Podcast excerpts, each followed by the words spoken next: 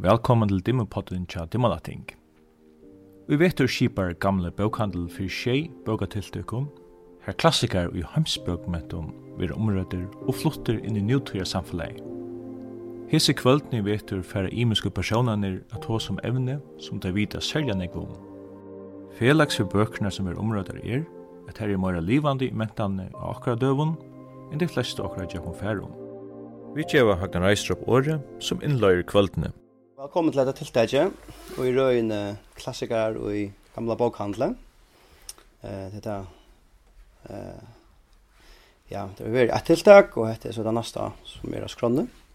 Og det er så et tiltak eh, hver måned frem til april uh, neste år. Og det er alt bøker som forlag hemmelig har vi givet ut, eh, som er kan man si, klassikere og i heimsbokmenten noen. Og i kvöld er vi så heppende at jeg finner etne skåle, eh, og jeg ser hun alle i stovene og i gamla bokhandlet at ta seg om retorikken, eh, etter Aristoteles, et gammalt versk, eh, men retorikker hever en lenka søve i, i, ja, i europeiska mentan og mentan resten i eisene. Eh, så det blir spennende å høre Hvordan eh for at leia kun jøkken retorikken vi støy jo i Aristoteles. Ta jeg sier for folk at jeg lyser retorikk, så er det nek som halda at det er sort eh, och smart, yuppie-fag som noe som bare handlar om at djeva politikeren snilder til at lumpa at han bytta veljaren. Um, eller djeva politikeren mer åteligan fyrir veljaren. Og det er eisne som som halda at til at vera røveskrivare, at heva til som fag, som yrke, er a sindi nukt og, og poppot og smart og okkur som anker CBS fyrir funni på. Um, og at det som ber bo om politikar som ikkje klarar å skriva sina egne røv. Faktisk var et leserbrev i sommar. Da byrja jeg, nå skal jeg sitere, da byrja jeg, så sier Eitt av nudje fyrirbrygt noen som okkara tog hever borg okkon, er starve som røveskrivar.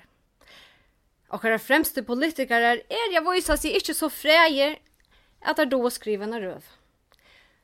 Og ta er røveskrivaren tøker til han er vel lærst hos en båskaper skal åras, så han gluje vel nye til fjöldene som politikerne må ni halda vera bøyta. Og hesne er det tveir skrivleikar. Annar er at retorikker snur seg om at lumpa folk vi vøkron og etjandi årengon. Det er, er ikke et hokus pokus fag, og til håper jeg at ditt eisne færre finner det som er som tøymen løyer. Og hinn skrivleisen ned at retorikker og røveskriving er nega nytt og poppot, og nega som hentar nytt at huyen, nega som har haft visse.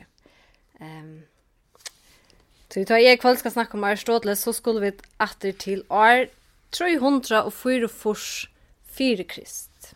2000 og 400 år at du tøyna, ta vær er ståtles føtter. Så, nei, ikke ordentlig, noe nytt fag. Men det er rett at uttrykken eh, siden i årene har haft lukka som vi vent, og vi finner større undertrykke og større viring, og større tikkning kanskje. Og jeg husker at først er greia tikkna sindi fra om er ståtles og ta tøyina, ta i handlevet, hva det vær som mynda igjen, og hva det vær som fikk seg tankene er gongt. Ehm um, och så kom jag till Bojna. Och och Jag tror en rymla nördigt bok. Jag får inte slaviskt till jöknarna, men jag får ta några hotök och några tankar till honom. Eh, och lycka som röjna är att halda det upp mot nutøyne, hvordan sørger vi det atter i, i 2020. Og så skal jeg enda vi si oss om retorikken som fag, og hva er så hentet seg seneste 2004 årene. Så er jeg nærstående. Ehm men först börjar vi att, att ta oss syndrom han, Aristoteles. är är er ferdig med meg sammenbæren vi och Hammersheim. Så jag hade man kan se att uh, Aristoteles gjorde det här för retoriken som Hammersheim gjorde det for det første Eh, vi och Hammersheim gjorde det ikke det första målet ta levde och det var brukt och folk hørte det och de och de och de kände det och det var till og han kom.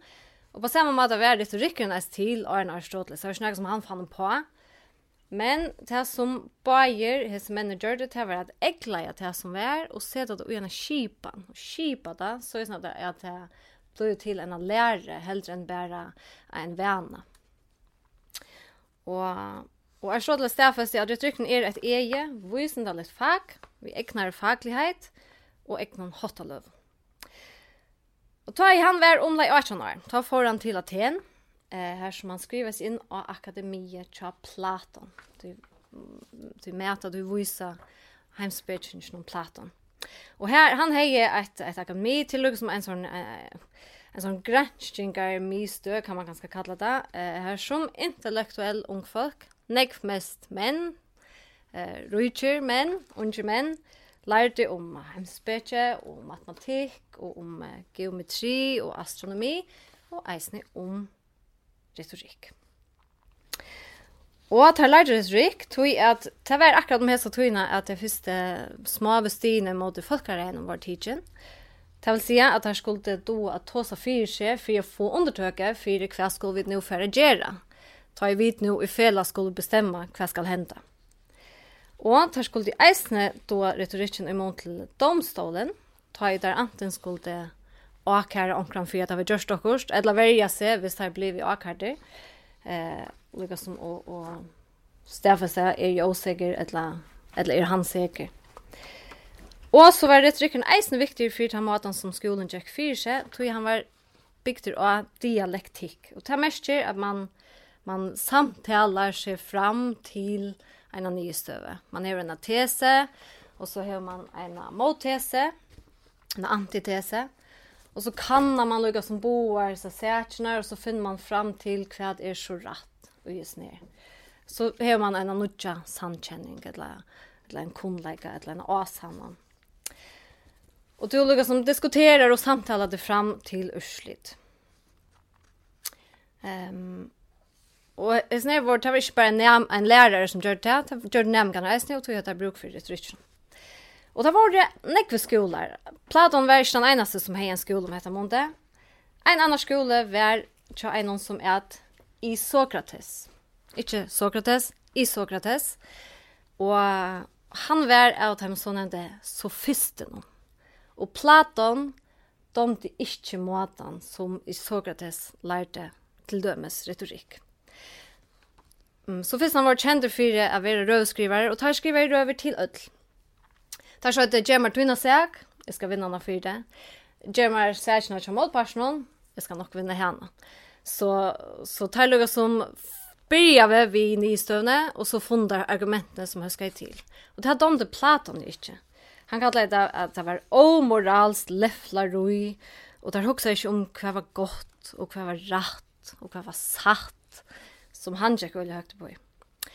Eh så läraren tja Aristoteles helt att retorik är inte fag i sig själv. Det är inte till bara något som vi brukar till dialektiken, till bara ett ambo, det har omgång substans. Han säger faktiskt att, att retoriker är för andan som mätger är för likame. Alltså, hvis du har en fisk och äter den så gör han gott för likame hvis du hører en fisk, og kryddar han, og legger han i leka, og og og steigen på en bestemta mata så ger han akkurat det samma för likame men han glöjer lättare ner och det är det som han säger att att att retoriken till är faktiskt bara mätjeren till här inte inte innehåll inte virus och självon det ger bara tingen mer åtlig Men allikevel, så gjør det Platon nekra regler for hva er goers sanne retorikker, Och det viktigaste for han til å være hva är sannleik. Hva är sannleik? Och retorikken är en mye til å finne fram till hva är satt.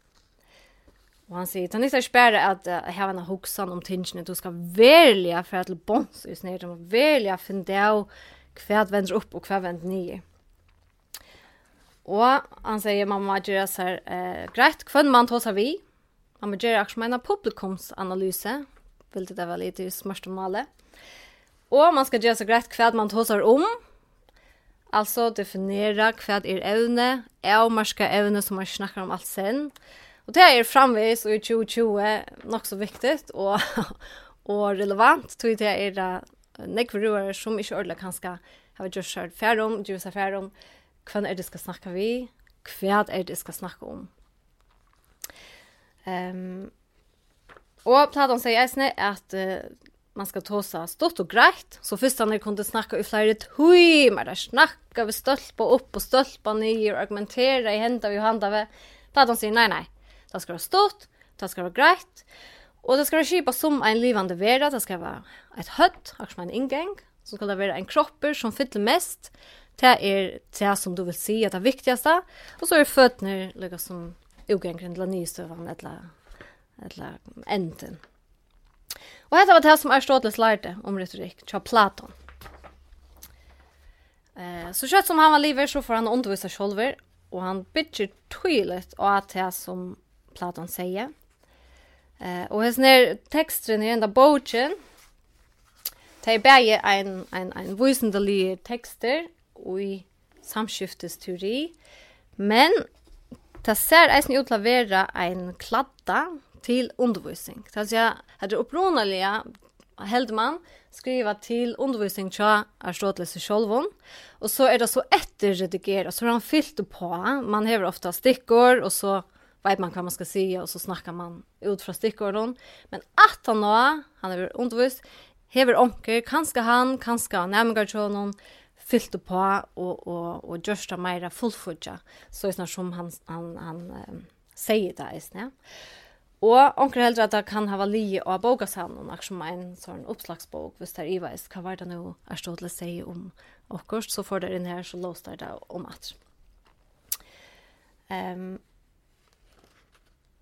og og henda bókin blei ikke givet ut for nek, nek, nek år sætna. 300 år sætna faktisk.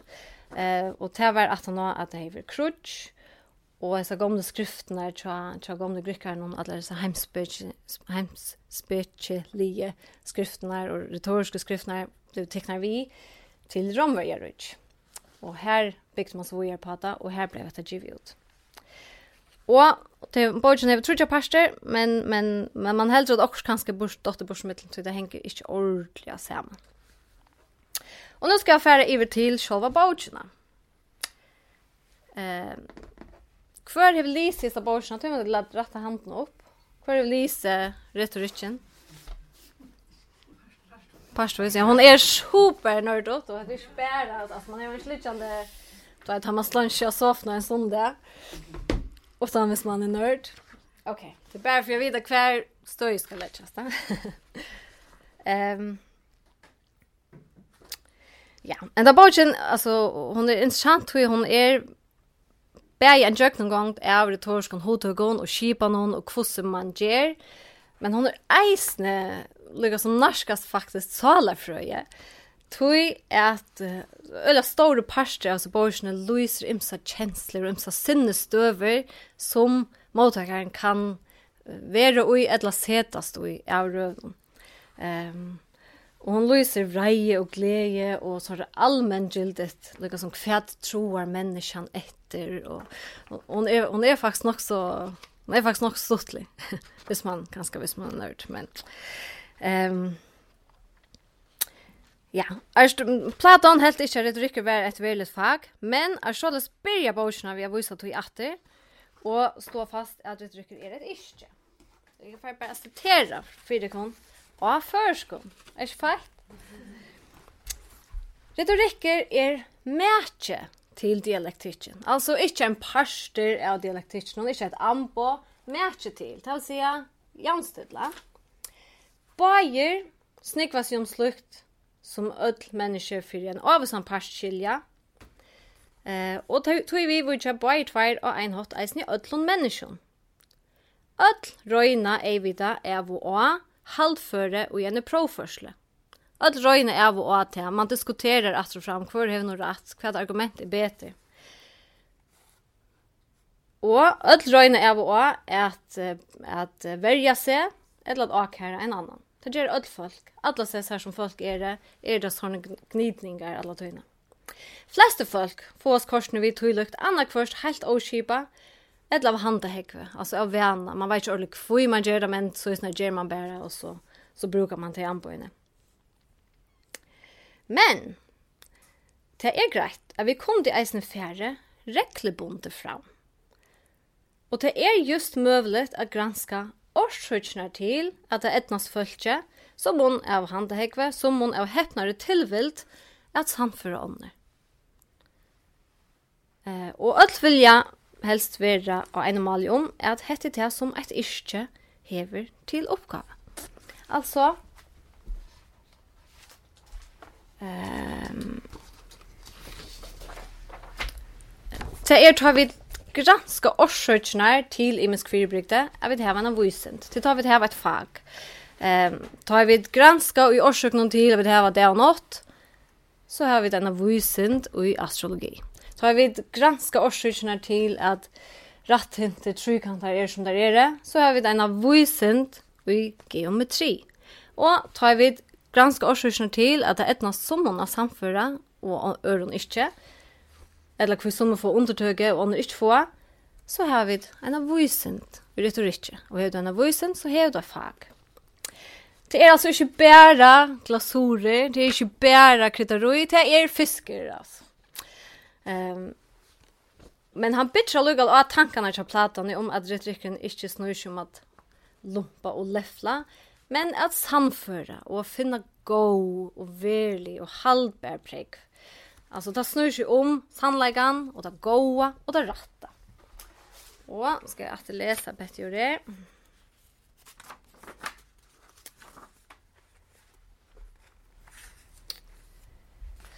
Um, og her tåsar om provførsla. Vi må være fører for jeg provføra, for det tog motsatta sjånar minnen av hva vi tror vi atla at få fram og argumentere for det. Ikke for jeg tar under vi bavensjoner min, vi skulle ikke ivetale nekran til te som er avtaleverst. Men for å få fotla fætene av hvordan støvan er, og for å kunne rega atter en annan talare som progever og årettvisan hatt. Så det er nok så viktig det är at vi skulle ikke lumpa någon, vi skulle ikke dra någon på tråd, Vi skulle ikke takke under, jeg skulle ikke takke under vi noen som er avtaleverst, ja. Det er helt enkelt såleis at sannleggen og det malet som fra naturen er det beste, alltid eisne er det letteste å slutte seg til og det mest etterfærende. Så jeg sier, har du da gode særsene, det sånne særsene, så vinner du sannsynligvis større undertøk. Og tann som av årettelig en hatt bruker til store valde som ligger i årene, kan sannelig fremja stóran skie. Men, sier han, hette er nega som er felags i ødel gåvire. Hvis du erst, så nevner han styrke til dømes, hvis du erst øyla sterske, styrke til en god dikt, men hvis du misbruker henne, så er hun ikke til. Rujtjødøme, nevner han, rujtjødøme er godt, altså, men hvis du misbruker det, så er det ikke godt. Og, så, og det samme er vi retorikk noen, det er, det er godt, Men hvis du misbruker det, så er det ikke godt. Så det er ikke til at fatje i seg selv er ønt, eller, eller, eller lumpes litt, eller... Um. Og så kommer um, alle synden av retorikk, så er det som er strådelig serene, og som Eilf Samuelsen er tøytene til. Retorikken er evnene til, og i en og hverjon male, av suttja, hverja møvleikar vil hava til at ivetala. Og det er tutt konsekvent ivetala er som jeg kanskje konsekvent har sagt samføra.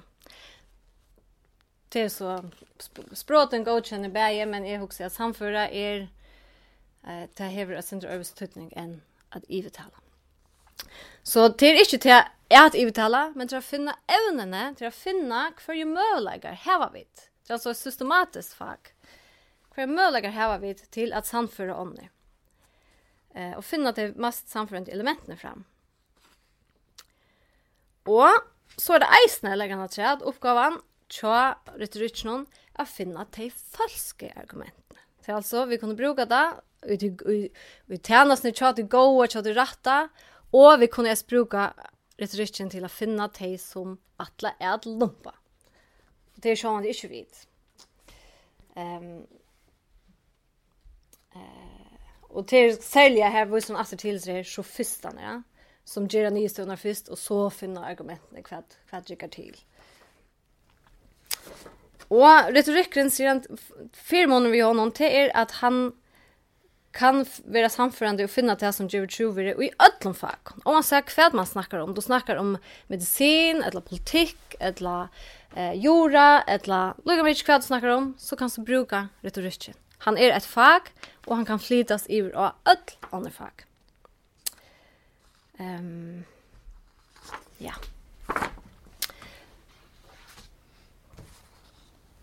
Og så kommer vi til, til slø av røven. Det er det tre slø av røven, sier Aristoteles. Etla, etla retorisk om tekst om.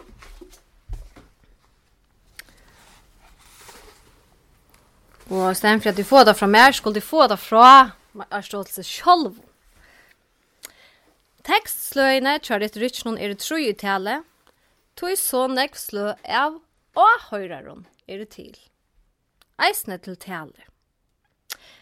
Og en tale er sett sammen av tre monlodon, det er taleren, det er evne, og så er det han som taleren venser til, altså og høyreren. Og avhøyreren er lukka som te som vi skulle grunta hit då. Ehm um, Bant jag är bättre kunne rette hånden opp, for jeg vet att jeg jag läser boksna. Tui at så vet jeg hver passasjer, og i mine manuskript jeg skal leipa om. Jeg kunne godt haft tåsa ut fra mer, tui at jeg vet hva det er, tui jeg vil lise i borsna, og nørdes lise i.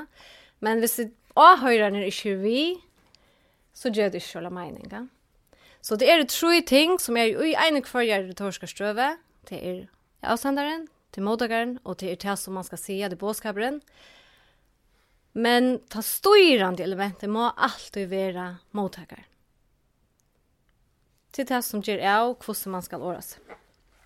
Og til eisen det som gjør av hva for slæ av sånne teksten om eh, hva, hva, hva tekster slæ man, man kommer til. Um, Tui leiklutur avhøyrarans må anna kvørst vera eggleiande. etla han skal gjera seg enn hoksan, og henda hoksanen gjelder anna kvørst forstøyna etla framtøyna. Eh, vi tar politiska taler, som anna kvørst roa til, etla roa fra omkron, og det handlar om hva vi skulle gjera i framtøyna. Skulle vi hava inkorn, kommer vi inn til havnar, eh, Jøgna Høyvik eller ikke, skulle vi hava Kjolakhuset og Skalatru eller ikke, det er lukka som peker fram til henne hva skulle vi gjøre. Og her er det mottagaren som skal gjøre det, som skal via argumentene for gjøre mot. Og så har vi rettartaler, og det er andre kvars A-kartaler eller vergetaler, og her hever A-høyreren til, til, til oppgave at gjøre det er han noe sikker eller er han ikke? Og vi er argumentene, hver heter så, eller hver det ikke? Og så har vi epideitiske taler, det er talene til særlig høve. Her vi anten rosa, eller finne sted. Det er typisk føringer de er, eller Nordkjørsrøven, eller Ålasugesedanen, eller Flaggdagsrøven, eller til masser av særlig om høven her som vi halder over. Uh, ja. Så, det var sløyne av røvnån. Altså den juridiska. Er man sikker eller osäker? Hva er rätt och hva er skevt? Hever han gjørst eller hever han ikke gjørst det? Peker at rett. Til dømes kom jeg og Jar inn i køkken heima, tja meg sjåvare. Og jeg trakka jeg lusch og en storan hil av mjøl. Og jeg røpte noe som, Hallo, hver er vi støtt mjølka gulvet og sånn at torska doppa til? Og beina veien kommer mine tver jenter rennande, dit, dit, dit, dit, der er seks og fyra. Og beina veien, som det mest naturlige i alle verene, får der under til forensiske vergerøvna. Um, av handa hekve, til german, tar man vil akkart, ja, det ligger ui okkona. Um, Det var ikke jeg, jeg var ikke du som jeg, jeg var inne i kameran, jeg var og kom vi alle mulige prog rundt om, og boer skjøtt seg ikke her var Gjørsta, og så min, min, min leiklod er veldig som her, at vi er fyrir modig for å se hver og se hver hver Gjørsta det her, til det er altså en hiller, altså. Og så her var vi til deliberativ røvna, den politiska røvan, som at det er sånn snur seg om hva skulle vi tverre gjøre, hva det er møvelet å gjøre. Mm Og hva skal eh, avhøreren lukka som eh, her skal man ta under vi brøytingon etla, etla man argumenterar for jeg visste ikke brøytingon ek, det kan eisen være. Eh, men han pekar fram ut tøyina. Så ta jeg og jar, me henne stå vi en vadar i hos i usen mjölkehilen og bo jentnar kordosyner forensiske røver og, og, og vardes i sjolvar og røndi akar i hina. Så sier eh, Ja, men hvordan kunne vi syrja fire at det ikke atter kommer en hyler av mjölk av gulvet en erfer? Og så lest her skiftet der til det politiske røven. Så nå peker det knappt fram etter, nå var det ikke meira eh, min leikloder av at han, han dømande som skulle gjøre av om det var skjegar eller åsigar. Nei, nei, nå skal vi finne en løsning. Ok, og så kommer en rikva argument om vi kunne si at det skal alltid være en vaksen som skånker mjölk, Vi kunne taka en stål i kølskapet tar vi fåkon. Vi kunne avtala man bare skonti en halv, halvt glas, stemme for fullt glas. En rikva av oppskåden av argumenten som var gå og valid, og så var det opp til morgen som avhørere og gysner støvende samskjøttstøvende er takk under vi omkron og vreka oksan. Så dessa rövnar er i alla tøynar, alla stess, i tjänsten och alla sätt som folk er det. Spårningen är brukar vi ta tilvide eller otillvita. Og så er det at han er bedeitiska røven til særlig høve. Her som vid anten rosa eller finne sted. Og hon teker støy i nødtøyene til er nå til flakt av er, til er det du fyller halvfjers år, eller nå er det nødtøysaftan og vi løyde atretter. Um, Men för att täga nu må man eisne luta sin rätt rätt. Och man må eisne låta det man ofta pekar och luta inte fram ett. Ehm um, Och de alla alla flesta rövnar som vi har innanför hetta är det rosande. Det är inte så jävligt ofta att vi halta röver här vi finnas ät några. Inte inte i åkara samfällige, tror ju bättre kommer kanske säga. Eh men Det hender jeg også. Til dømes var ein eh, Black Lives Matter skrogonga i var. Her som det snus jo om at det faktisk er rasisme i førgen. Og her som eh, Her som røvnar funnest er til tog hukkbor noen som er gerandes rasisman ble det kalla. Eh, her som han fanns er til tog hukkbor som er og, og tog mata noen som somme eh är det ju för folk som har en en myska hu eller en översi hu en vid infödda kvite föringar. Ehm um, Og etter bøyrasveldet for fyra år siden, ta i hei morsen hei skårene hver tusen stemmer, men Annika lukket som i igen igjen innanom, og skjold borgarstjórestessen. Det var eisne en, en skruvgange her, eller, eller motmeldstiltak, og det var røver, og det var...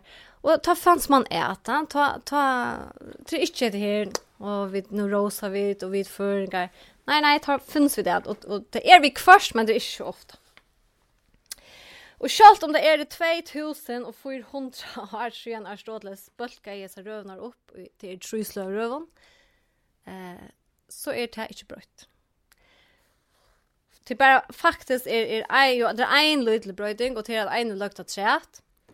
Och hon var upprunaliga inte vi av gånggrunton och det är predikan. Tror jag det är ju längt för Kristi kan man säga. Så predikan är komna trätt som en en retorisk text eller retorisk röva. Eh hon kommer ikke ordentlig inn under nærk av men hon er retorisk, tror hon er til enda mal at samføre okkur om okkurst og få kunne ta henne støv. Og så er det til at vi kommer um, til um, hvordan vi prøvfører. Det skriver Aristoteles Eisen Rikvi om. Han sier at det er tvei slø av prøvførsle, den ikke-faglige prøvførslen, og så den faglige. Og den ikke-faglige, Og fagje her er retorikker. Så han ikkje faglige til alt det som ligger utanfor det som røren hever overskanna. Det kan være vittnesfragrengar, eller lower, eller kjøl av imsonsleie, eller hva ånder skyer, hva halda folk, hva um, um, hva hva hur man för värna att göra så det som är som fyr ligger fram undan och som rör i skena gravskanna. Och så är det till fackliga Og de fleste som nærkant jeg har hørt nærkant om retorikk, har sikkert hørt om tætsjortja matene man kan heide av folk for at samføre. Og det er etos, logos og patos. Her var ødel hørt om det. Kan du køre hånden opp til som jeg har hørt om det? Ja, nesten ødel, nesten ødel. Og Eh, til at det tøyt til de tro i vedtalingar anbøyene, men at det er, jeg vil det helt sagt, sannføringar anbøyene. Um, men de aller fleste inn her har hørt om det, og det sier ganske synder om tyngdene og i, og i Aristoteles og i hans her tonkon. Han er fædre og omkring røtten her. Eh, Ongen hever enn funnet noen heiter som dekker det beter, så vi bruker framvis heitene etos, logos og patos. Vi etos, avvirka vid mottakaran vi okkara karakterer. Vi patos avvirka vid mottakaran kjenslilia, og vi logos er det argumentasjonen som avvirkar. Hvis vi teka etos fyrst. Det snur seg om at vi kunne samføre vi okkara karakterer, tann som vi er, det avvirkar. Og det er det tre virskifter, han bøyder att etos upp i tre, tre virskifter som gjør skaldande till hos som etos. Det er vitan, eller klokskaper. Det er den moralske karakteren. Och det är välvilja. Alltså är att mottagaren halda att han som tåsar vill och det bästa. Han vill mer väl. Ehm um, og i år har vi haft nekvar tvindafunder om corona. Og i april gjør det kringvarspe en kanning eh, om eh, hva for alle føringer høtte og hese imse som, som snakker, vi så det nesten daglig, hese togjundafondene og togjundafonder om korona og fra ursørste dødje. Og Tan kanningen som kringvarpela gjerra var øyla grei. Føringene høtte til hese togjundafonder, størst ålid og Paul Veie, og av Bjartna Stei, og av eh, Mikael Bålsen, Fjodanon, Boltisnon. Og selv om politikerne hadde vært vi til hver eneste fond. Og selv om alle er samt om at, eller jeg har alltid flest er samt om at ta i vilt stående land nye, ta klarer det seg utrolig vel. Eh, så vær var våre laknene og foten som toppave. Vi tror vi det. Alltså tar det etos för hagre akkurat att det kom till corona. Så hvis vi hittar etter som Trimon og någon vitan och klokskaper, det har sier nesten skjoldt at laknene er vitan er rikvi om sjuker og om smitte og om om hvordan man fyrbyrger og, og hva det er til ro att teka i sånne støvån. Og politikerne, ah, kanskje ikke sånn, ikke va? Moralske karaktären Laknane til tar tar bjarga luivon og tar var takna skilde og vi snakka hendur så det fyrsta man ropa er nagar lakna til stier tror ongan nagan som er rekt er nagar politikar er det er som tamurage karakteren som tar emba det hever visse ger nagar vi okra truver vi tryggva og på laknane ehm Örvisten på en annan måte enn vi ger på politikerna. og så er det velvilje og motor avhøyrer noen kvar färra vid hvis det har bruk for hjelp, hvis det er det minsta, hvis det, hvis det døttene finnes ikke prikkar, eller hvis jeg har en annegl, eller hvis det whatever, whatever, så færa vi til laknen. Og laknen hjelper oss. Han vil okkon till vel, han vil okkon det beste. Ja, det er kanskje sjølvorlig, men jeg sender det vujer til kanninger. Å oh, ja, du vil meg det beste til så deilt, i trykken hånden. Eh, er vi alltid samfört om at det som politikerne sier er för åkare egna besta, at han gjør det her fyra följtje, fyra med som borgare. Nej, ganska kört, ja. Ganska ikke inte ordentligt. Alltid. Og jeg husker i eisen at maten til det aller første tøyende funden som var ute i Tinganese, Här var det det var några spurningar och stod jag ni här och quiz inte inte ni och det var spurningar kom i alla sens fra. Och och och det var ju spurningar att han var från enaste tog fond. Eh och politikerna får beina vid en ojutan försvära. Tog det här vänner vi att bliva trumlar av milen GT till en pascha att att att att det nu var en särlig stöv att klara det här kanske ordentligt att att stå ju på om, så där får beina vi försvar. Eh, men lacknader var näck mer, det var näck örfusna och där lustade efter någon som att ja, att jag hade en sant såna vi. Ja, det kan väl vara att det kan väl vara att det är syndrom att det här. Men jeg halte allika väl att Og så tog där över och stod men politikerna mer att mm stäcka du beina vi og det gjør eisen där vi tror vi det. Vi hvordan vid uppfatta det. Eh och lacknaren tog tåg snitt i äcknan barm och ja, det kan väl. Ja. Ganska bort vid Görsta och Anna. Vi tar mig för att oss om eller tar mig för hitch på. Och det som är intressant är att Paul Veje knappt jag var överst. Så att han var ju inte så rävväl omtökter ta i han knappt säga att vi skulle äta grint. Vi skulle äta spik. Ta var Paul Veje. Lusta du efter Paul Veje ta var tät vet han är väl inte tro vid det du han gänger mot det som vill vilja eller han är inte han vill och kunde inte väl ehm um, och nu knappliga så så var han ovast. Och det det visar ganska att att att det är skiftligt att etos är inte en statisk stöva man har inte gått tro vi punkten Det kommer alla tøyner mer at skjæt. Og ehm um, Det er faktisk eisen så løsner at um, at uh, til nødjar tøy her var det torkar bygd på etter her og, og en som heter McCroskey som sier at vi har et byrjonar etos. Det vil si at ta i tid møtte her og det og jeg satt her stål noen så, så hei jeg et etos tja ødlån hver en enstøkken tykker. Alt etter hva for rønder det her var vi med allt efter kvar för uh, huxaner till här var med. Eh allt efter om det var hörs med sig och bort eller sig och klökt. Allt efter om det var samme ger och bort eller om det var samme bära med någorlunda skila gott är. Ehm um, Och ta i es og tåse nu, men er tåse, nu verer tykkara etos, eller, eller mot etos, um, tillige. Alla tøyna men er tåse, så verer det tillige. Hver einas fer vi møtas, eller til høyra med, eller til sudja med, så er det tidlig. Og hvis det er, hvis det er, hvis det er, onker er som aldri har hørt med før, aldri har sett med før, ikke aner nækka, men, men heller er stødles, er superfeit. Um, så gjør det til at det byrja i via sida at jeg leser et rykk i fem år, og det sikkert tog at det er byen om jeg være Tal så jag visst är onkel som hever jag av noll är då så ger det på ena vi och kurs vitta tror jag att att okej så vet hon kanske syndrom där vet inte om hon har moral men men hon vet det syndrom där Och högni hellre att hon är no skilla gå till att komma här och snacka.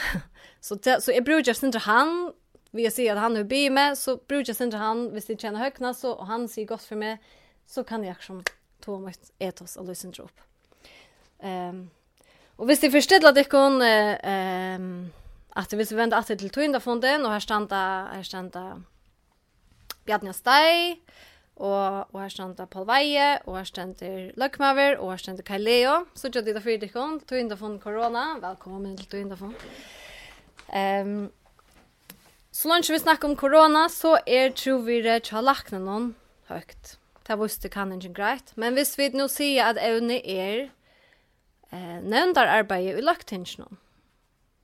Hvor er vi så haks, tror jeg det? Framvis laknene, kan vi ta time til? Tar vi rundt ut i Nei, så er det ganske, så er det ganske innbøyre. Så er det ganske kaleo og barer som er det som faktisk knappt jag har hackrat tror Så så tror vi det etos. Mm. Det är er, det er, för det första är er det er det, det, det er støvått omskiftlet, og det er tenkt at evne noen eisene. Det er ikke bare at hun har tro, høyt trovere ferdig. Det er vel som hva man snakker om. Um, og ta i mine jenter og jar strøkte mjölk gulvet, og der byrja vi at, at ta oss om hver er gjørst og hver er åsøk og så videre. Så hugsi jeg eisene beina vin og i i taimon og i uisner og i patos og etos og lokos. Hva er det fakta? Er det nøyre daimon som hever några några faktuell um, några faktuell argument som vi ikke kan attervise? Um, og, og hur vi tar etos? Altså, kunne små jenter ha etos? Ja, men det her var det jo. Tu, tu, tu, er det kanskje ånder som jeg vet pellar alla ut sin vi kvørst? Är det annor som jeg vet kanske hever ho affär att få som mjölk och sånn at, och sånn at be om hjälp och, och kanske hälsa klara sin det mer än hon faktiskt gjør? Är det är det några som jeg vet kanske är mera at se sannolikan för til att spørre? Så så eisen här, eisen hemma och Jernstone spelar det in. Spiller etos trovira in. Og så hvis vi får til Logos. Men nå går vi da hva klokken er. Åh, oh, ja. Um, Logos. Tar vi grunn av okkara argumenter av Logos, så er det sæklet. Så er det rasjonelt. Så brukar vi hagtull og gransking og eh, argument, og vi har pregv. Og det blir ikke av kjensler, men av fornuft og skilvise. Um, Og hvis vi atter tega korona, så hadde vi atter en båskap fra landstøren og fra kom epidemikommissionene, eta, som sier at vi skulle berge seg sjukene nye. Det er en olvarsom bå, öll skilte der eisne mine som av jenter. Vi skulle berge seg sjukene nye. Og Og hvordan fer man folk at, at brøyta etbor, og hvordan fer man folk at skilja til og, og omlegge sitt liv så är snarare på, på en fyrra pers, på att nå en tunda fond. Det hände något som är aldrig när jag för och som jag heller aldrig har hört för. Och det var ett ett logos appell för viralt. Då vi så ett tvär smittekurvar. Men alltså det smittekurvan här. Onner Jack och som eh, onner var var Jack bänt upp efter och onner var flöt. Och hvis man hej a lite syndre av självrespekt så postar man hessar här smittekurvan här av sin vägg av Facebook. Det som fer mig viralt det är två kettlingar eller bötten som dansar eller nej nej. det var det lokos. Det var smittekurvar och det händer jävla självt. Men det tog att ta skilt vid det. Det här gör jag vi skilt det. Att att det var ett ett ett hardt slående argument. Och Og så fikk vi et eisen i at tre tog noe rå om hvordan vi skulle oppføre oss. Vi skulle vaske og spritte hender. Rymlig beint fram, rymlig kjenslelest. Vi skulle njøse i ærmene, vi skulle halda fra støv.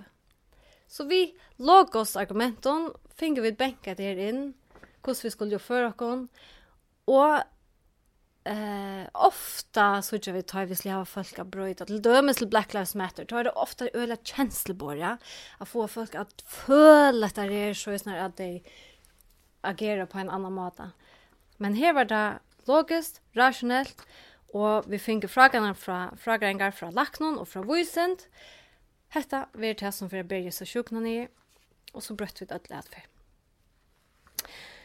Och så är det patos patos-appellen, patos-amboje. Eh, det snur seg om at avvirka mottakaren kjenslige. Og kanskje er akkurat patos-appellen et, et um, en av årsøkene til at retorikken hever så ringt år av seg, at vi akkurat lumpa mottagaren vi sin svikali känslan vi vi får han att halta vi får han att föla och så får vi drejan att han någon och och ivetälarna vi tvär något som manipulera och stort och till skit den skiten mat att få folk samförde på ehm um,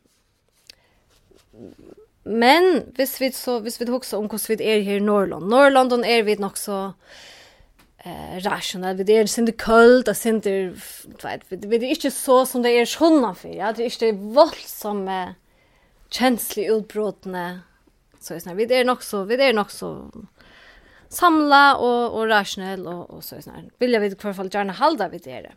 Men allika väl så har vi en en ett fullt gildet argument som heter mia förnämmelse Hur gjorde du det här? Ja, jag, alltså, alltså faktiskt, vet, jag fick nek av goda argument hur jag skulle göra hattar, men alldeles vad gjorde jag hattar? Jag vet inte, det var bara mer förnämmelse, alltså. Vi teka avgärder just för kjenslen. Vi höjer alla de logiska argumenterna och tar hjelp bakom, men tar vi stand og skulle teka avgärder for det, så er det i öda stora mån kjensler som gjør av hva vi velger. Ehm Og røver her om leier, det er ikke øyla mestar av kjenslån. Um, men, men Arstrådles hever ui så borsne enn at drikk var jøknen gongt. Av öllun møvlion kjenslån som mennesker heva. Og um, han løyser lukka som tru virkifter, hva er det for en kjensla, og hva er et kjent, eh alltså vad är det för en känsla och vad är det känt för människor vi här ser här av känslan och för när den känslan vänder motor och får uppsändra den känslan. Hvis vi tar eh vreie Kvad er vreie? Eh, kvad er ekkjent for mennesker som er ill? Ehm Um, Hverjon er, hverjon venter deg sina vreie i måte, og hvor oppstender vreie? Et land teker takkseme. Hva er takksomme for en kjensla? Hva er et kjent for folk som er takksom? Um, hva er det takksom i måte? og hva oppstender takksom? Og, og en eller store parster av borsene snur seg om med seg oppramsingene av et mulig om kjenslene. Um, Men at det snur seg om mottakarene, det snur seg om å flyta mottakarene i en kjenslige støve, her som han teker under vi påstanden tjokk. Her som han verir sannførder, ikke, ikke ivetaler, ikke, ikke drin på tråd, ikke manipulerer, men man brukar kjensler som er i uiboren til at, å, oh, ja, og så teker man noe som sjolver det sørste sier, og teker undervisning.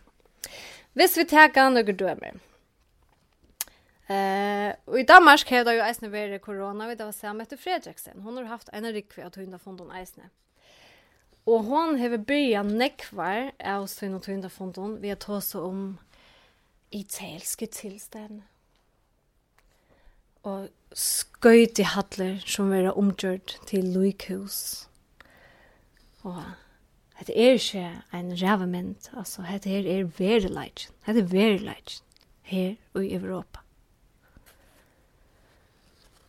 Vad vad ger det att att menar en känsla fram? En känsla av av ötta eller en sån ofratta kända.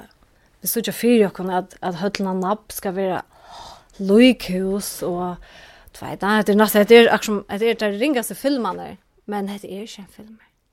Det är verkligen så. Och kvui menar hon hessa känslan av ötta fram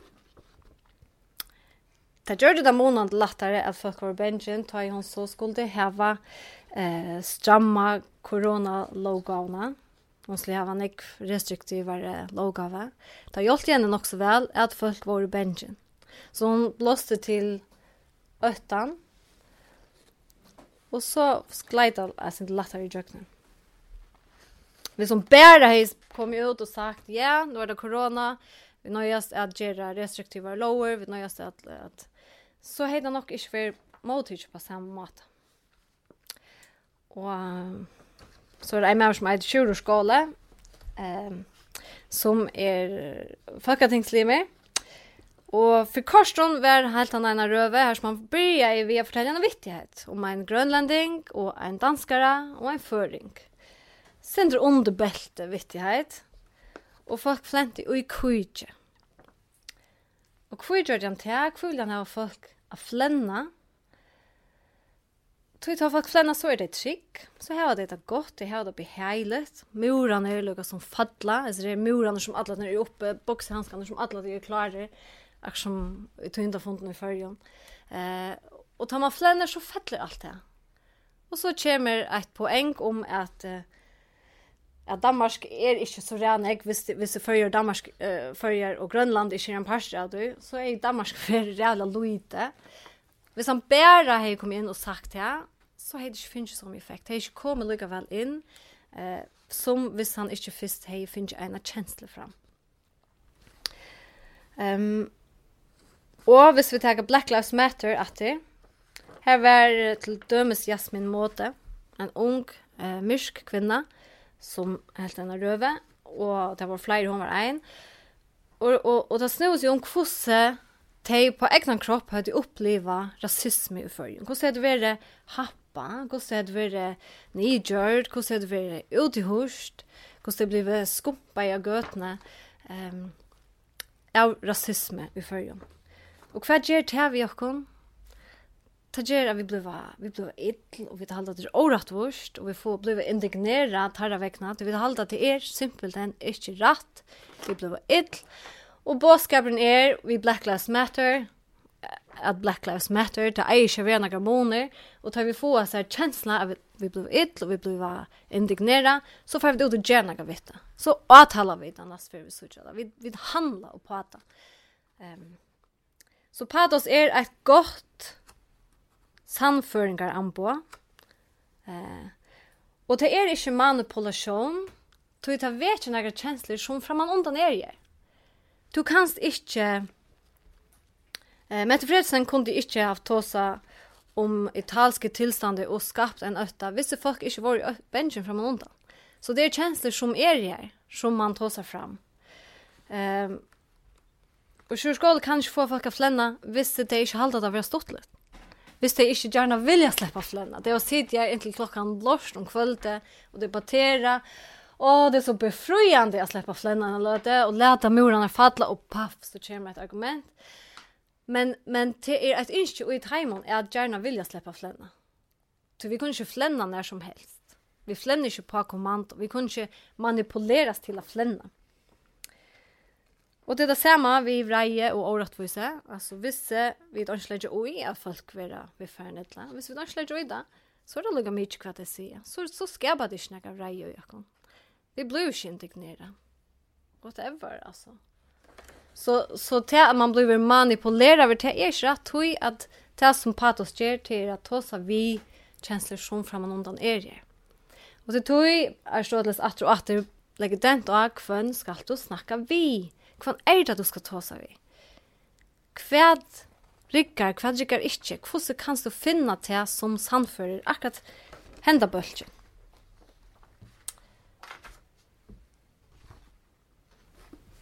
Og han sier at kjensler eller affekter er salarligere avvirskaner som avvirska avgjørende tjåk. Så det hever tøytning om vi kjenner velvære eller OBH, om vi er ørg eller glede, om det er blodlige sinne eller fudgjendaliga sinne. Og tog greinar han ut og æser alle disse kjensler og hva vet ikke det.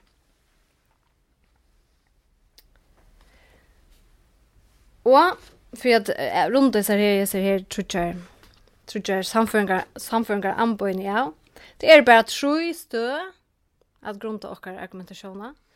Måttøkeren vil alltid, alltid samfører av en av hesson Simon, eh, onkel kjenslelig avskan som vaknar ut dem. Etla tog det halda at ruaren er troverdig, at han vil daimon vel, at han har gåan moralskan karakter, og at han er kloger veik hva han sier. Etla tog at logiska argumentasjonen er samførande. Og det kan eisen sjående være en samantvinning av hessen Simon, men hette er det som samfører dere. Og det er det vært i 2400 år. Og så um, hever han et om, om uh, månen og skriftmalet og talemalet. Hvis jeg har lagt det der manuskriptet ut til å release, eller jeg givet ut i en bok, så er det finnes øyla vanlig spørsmål. Tog jeg der er skrivet til å release hardt, Ikke til å release innantan. Det er skrivet til at være hårdt. Og det er helt, helt et annet mål enn enn tar man skriver til omkring at lesa det. Og det er en stor feiler som nek som skulle halda røve gjerra. Det skriva seg et manuskript, det fyrrega seg vel, det gjør alt det der, hvem skal det snakke vi, det er hukse om publikum, det er tidliga båskapen, det er hukse om hva for kjensler det vil bruke, og hva for logisk argument. Og så skriva det seg et, et manuskript, og så hukse det, nå sitter, nå er jeg super vel. Men ta det så börjar att läsa det. Så hängde körda samman. Alltså så blev det knorslåt och det blev tungt. Och det är nekra inskottens sättningar och tog jag till målet som vi läsa är helt ett annat än det som vi tar oss. Och så fäller allt i gärder. Så tar jag du skallt Halta ein fyrlester som det, så måste du snacka han fram. Du måste snacka han fram och höra hur så joa då. Hur så joa är sin sättningen, hur så hej sakta, tema och skriva. Og då så leste att det så är det banalt, och faktiskt av marschen till att så det bort ut. Men det är det bästa at du hører det. Det måner av støyle, och det måner av sättningsbyggnader och av setningslångt. Og jeg slår det styr greit, at tar vi et år regner røve, så skal målet være eh, ratt, og det skal være klart. Han er 100% vi limer i først grasstaving, hvis han levde nå. 100%. Han er väl en av fremste fingrene her, smalpolitien. Og han sier at, at uh, åravelet har vi tåsa skal være vanligt. Som vi gjør til at, at at jeg skulle den här røve, så færa det jo i en en leve som er av synder høla, og stilen blir det synder. Og det blir så konstigt, da snacka vanligt och bruka så nöker år som kanske är sin rotivt. Så säger han. Och och rövskrivaren till Obama. Han han han var en förspurter om kanske ge en rå. En rå till råare runt omkring. Och han säger speak like a person. Tåsa som är folk alltså. Och det är det som det är faktiskt som lustar. Och vi tås på ta maten som vi gör även i orsak till det är lättast att höra och skilja och mottaga. Så hvis man ska hålla en röve och någon ska visslande ska bära en båskap och man ska snacka på en helt annan uppstulta en lökna mata så fettligt det sig inte Jag tror Arshoda säger att Fölkje damar väl å få nutja vitan utan och störst stroj. og det passar en eisne. Så, så att här man gjør det lätt tja folk att skilja og att lusta. Ehm um, og så ser man man skal tilpassa stilen til høve, man skal ha dømer og samanberingar, metaforer, alt som hjelper til, som som som stolar under din båskap. Og så snakkar han även om framførslene. Og det er ikke noe mye å vite hva vi atla sier. Det skal eisen sies på en rett måte. Mm. Og så er det nok sluttlet, vi har, så skriver han ui i snir, borsentrasser. Det er en ånden verlig læra kjipa om hese vidskiftene. Hvordan vi rød, hvordan vi bæra en båskap fram, hvordan den månlige støven skal være. Um, men, de rødere som ofta vinner undertøket, er i eisene tei rødere som har vært skilt, at det er slag av framførselen vi kan ikke, ikke bare snakke om det, er lite syndrom på det, men heller ikke for nek. Det skal ikke bli til teater, Det er så koppet det iver, ja? så det som, det som var underdekket til, det som har funnet jernveiene. Og nå er det så skriva jeg bøker opp og ned et stølpån om hvordan man skal bære fram og til kjipa vel og vilja. Men akkurat da han skriver hesa bøkene, da er det ikke ordentlig vidtjørst det. Men han säger att det viktigaste til rødden, till hur harst man tar seg, hur spekler man tar sig, och varför det tonaleve man legger uh, rödden i, och rött man tar seg man sent och speglet, så har det en effekt. Men hvis man tar seg harst och tydliga, och lukka som sender rytmen av sänder upp och tar sig sänder tøytare, så er det en helt er effekt. det, det ligger så redan jag i maten man tar sig. Så, så tar man och skriver man skriptet. Ta er rövan fram i sig Det är hon inte för du har helt gärna. Vi jökna några fer och ratta utlösa alla dessa sättningarna som du snavar och, och som är ringra säga. Och du får det. Så kött ska det tåsa? Kvär ska det variera det. Eh, kvär kan det, kvär kan det lägga manuskriptet fram att tåsa så frukt. Kvär är det bästa att läsa och så vidare. Han tåsar eisni om ta goa i människan och människans eh drömme. Han ivalas tror att människan vet vad det rätt och vad det ska. För vi vänt att til at det vi at man vil manipulera över og så är ja.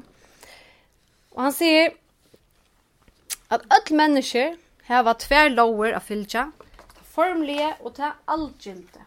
nå skal jeg lycka läsa köttfyrdigt ner. sent som et møte. Vi skal lägga slå opp. Han sier, jeg sier betil ta formlige lovna og ta allgilde. Tan formlige er tan som først enstakt folk hever avsett fyrir seg kjolt. Hon kan være skriva, etla og skriva. Altså, ta reglene som jeg sjålv hever fyrir meg. Når er jeg et godt, hamplet, silet menneske, det er kanskje ikke akkurat det som regler som to hever, etla som to hever. All mennesker sätta seg några regler som man lever efter. Och att se att henne er det at han allgilda, hon er naturgiven. Tog det er just fra naturen en felags fætan av røtten og skaivon, som öll og ein hot heva væru han av, hova seg ikke heva nekran felaskap kvars vi anna, eller hava gjørs nekran sottmala. Altså han, han stavfester at öll folk vita hva det rett, hva det skreft. Det er en lov som öll mennesker, så man ikke kjennes og ikke gjør fela, eh, djeves i ondr. Öll djeves i ondr henne. Det er lukka som menneskjalslig heiten. Og tog lukka som det er et argument for at at retorikken ikke er under. Han er ikke til vi har öll det her Jeg sier det er kodexen som vi fylgjer. Ehm um, Ja. Jeg börjar vi har så att at jeg ofta møter motstøve och illvilja. da jag sier att jag vil läsa uttryck och att det är rövskrivare. Platon var ikke nek för retorik någon. Aristoteles var det. I gamla Grekland var man det. I Rom var man det. I Mjöld var man det ikke. Mjöld skulle folk ikke hukse oss Det skulle ikke ta året. Det ikke bare bara akta och, och lukka som blir sin undertrykt. Og her ble det bare brukt til prædiker. Eh, så kom renessansen, mennesker kom atter i middelen. Så vakna jeg atter sin ahoen. Så kom opplysningartøyen. Da var det atter det som er rasjonelt, og det kritiske, og det som vi kunne via og måte, til det, det som vi kunne prekva. Og ta vær uttrykken faktisk via dodge. Så kom Sætni heimsberg Og så har man knappt bruk for det, tog som er min aller første sitat, Charles Strådles, at kunna finna det kvui få som i undertøke og kvui få som i ikke. Og ta vakna i rystrikken at. Og så gjerne ta hever han faktisk haft en, en beina kås beint opp etter. Tan, tan, tan hua kurvan. um, og jeg halde at jeg fer bare enda vi tar den aller seneste årene og i bøkene. Det er så ljøvende. Mm Jeg har tala, tid av lorsta, tid kjenner han jo male, døme så. Takk for det.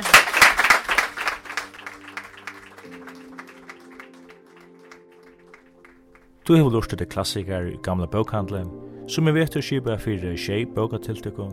Her klassiker i hansbøkmenton ver omrøyder og flotter inn i nútøyar samfunnet. Det er bøkaforlag i hemmle som utgir bøknar ut.